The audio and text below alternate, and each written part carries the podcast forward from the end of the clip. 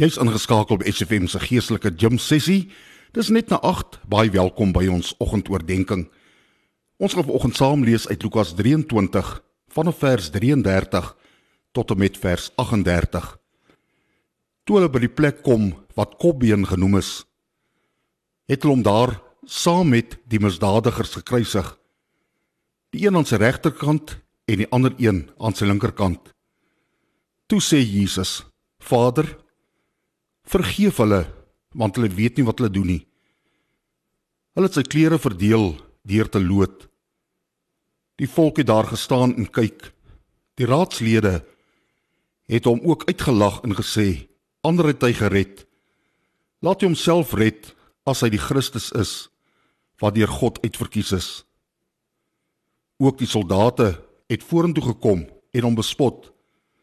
Hulle het vir hom suurwyn aangebied en gesê: As jy die koning van die Jode is, red jouself.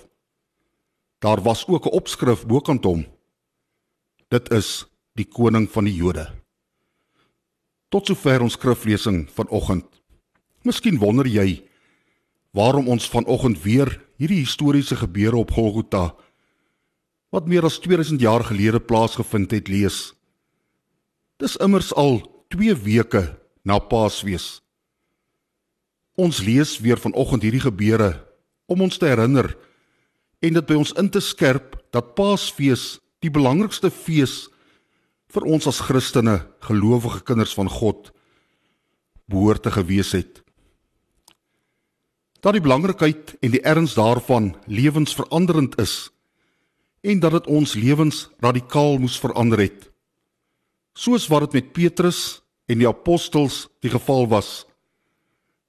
Hulle was radikaal anders na Paasfees as wat hulle voor Paasfees was. Want Paasfees sê vir ons dat Jesus Christus in ons plek gelei het. Dat hy vir ons sonde gekruisig is en wonderlik dat hy vir ons die dood oorwin het. Paasfees se boodskap beteken vir ons lewe, nuwe lewe, ware lewe. Dit beteken lewe in vrede met God. Paasfees vat in 'n sekere sin die sentrale boodskap van die Bybel saam. Tog vier ons baie selde Paasfees met oorgawe. Kersfees ja, maar nie Paasfees nie. Paasfees het vir baie mense Paasnaweek geword. 'n Tyd van uitspan en vakansie hou. 'n Tyd waar ons see toe gaan of die KAK&K en ander kultuurfeeste bygewoon het. Groot sport en skole toernooie was ook altyd oor Paasnaweke gehou. En so met ons besig wees en ontspan oor hierdie naweek staan ons eintlik ver van die kruis af. Jesus is besig om weer vir ons te sterf. Maar ons neem nie eintlik daarvan kennis nie. Sommiges dink nie eens meer aan Goeie Vrydag of op Goeie Vrydag aan Jesus se kruisdood nie. Hierdie jaar was Paasfees 'n bietjie anders. Baie het weer intens bewus geword van Jesus se lyding en dood. Nie so seer omdat hulle weer die Bybel gelees het of iewers saam met ander gelowiges aanbid het nie. Nee. Omdat COVID-19 met ons was en is.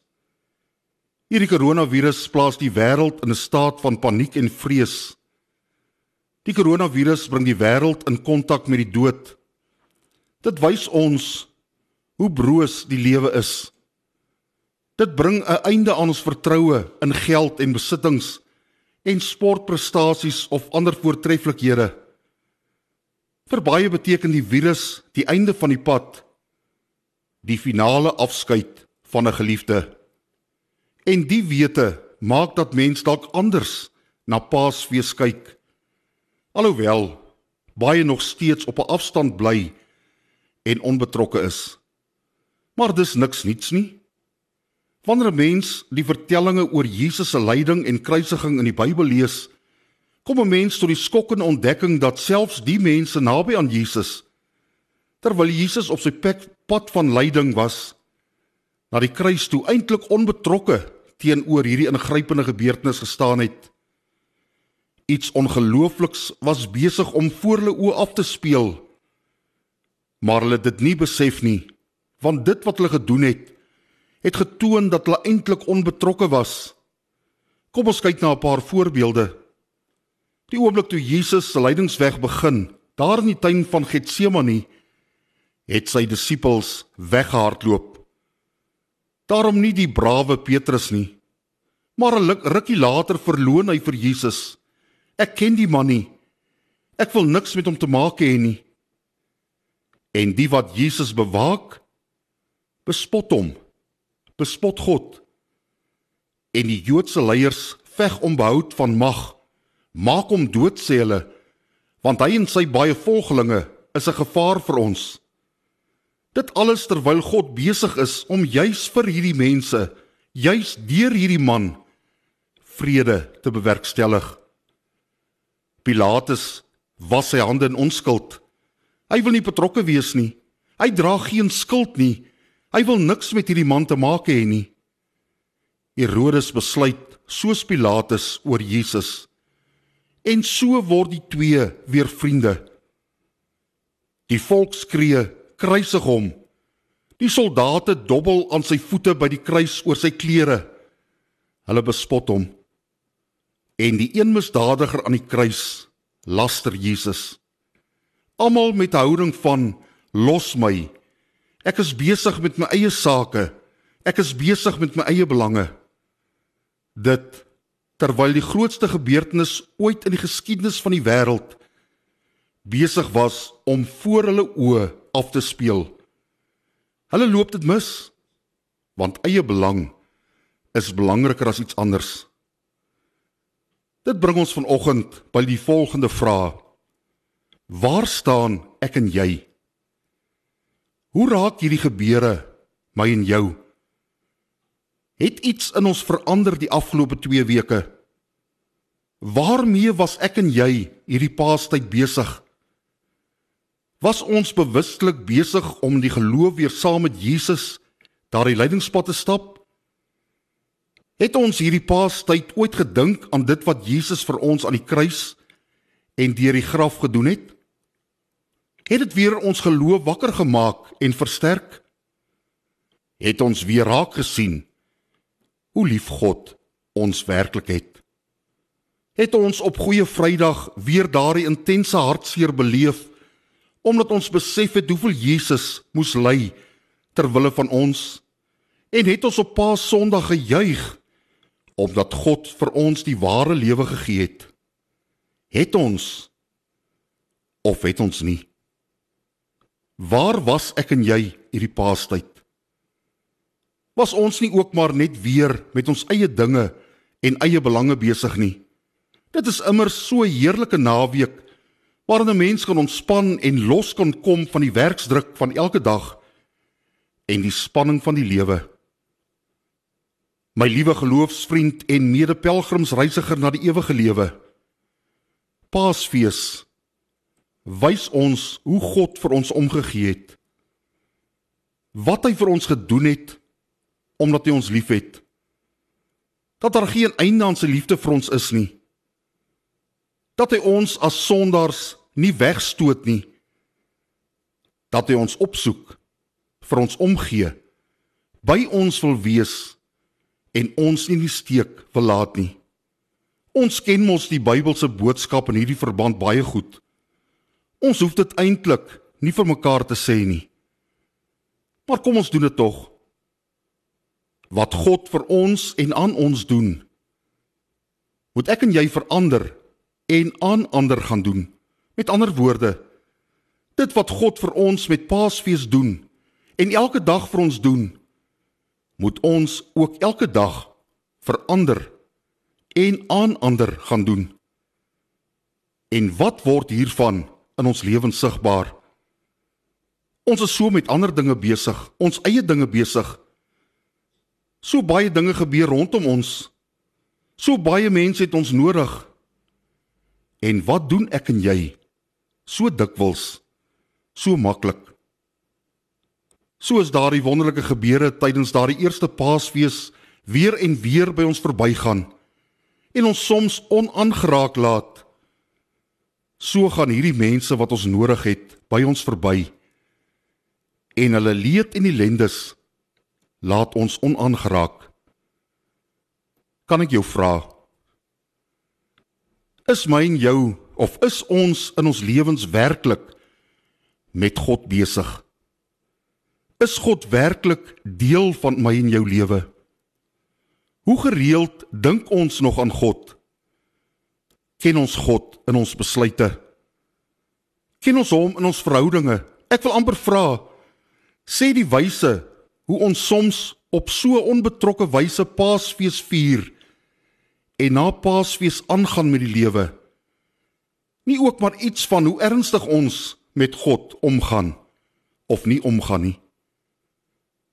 My gebed is dat God ons oë oopmaak vir dit waaroor die lewe werklik gaan en behoort te gaan.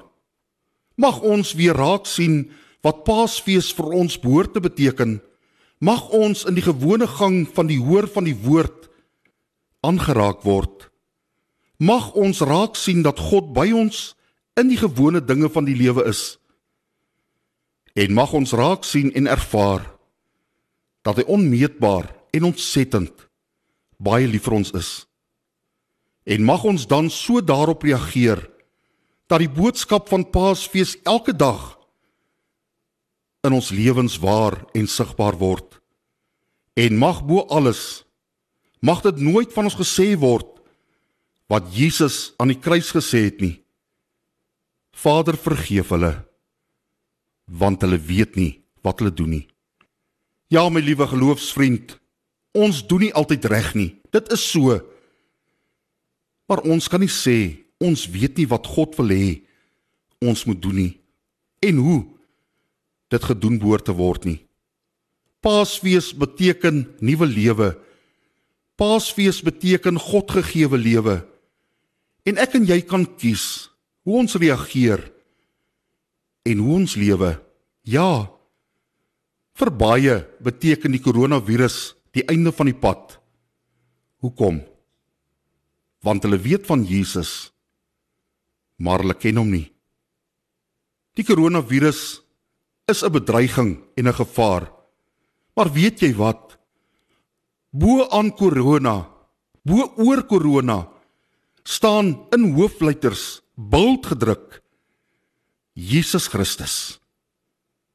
Laat sy liefde my in jou hart vul en gaan doen en leef in vrede. Here Jesus, dankie vir Paasfees 2021. Dankie dat U opnuut U liefde aan ons demonstreer het.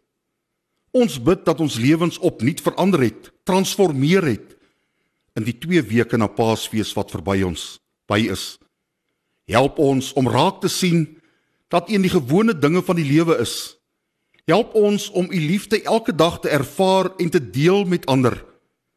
Ons kies vanoggend opnuut om 'n liefdesverhouding met U te lewe. Ons bid dat U liefde ons harte opnuut vul, totaal en al vul, oorlopends toe vol vul, sodat dit oorloop en ander harte ook vol maak. Gee dat ons U dag vir dag sal verheerlik. Want aan U alleen kom die lof, die dank en alle eer toe. Ons bid dit om U naams ontwil met danksegging. Amen.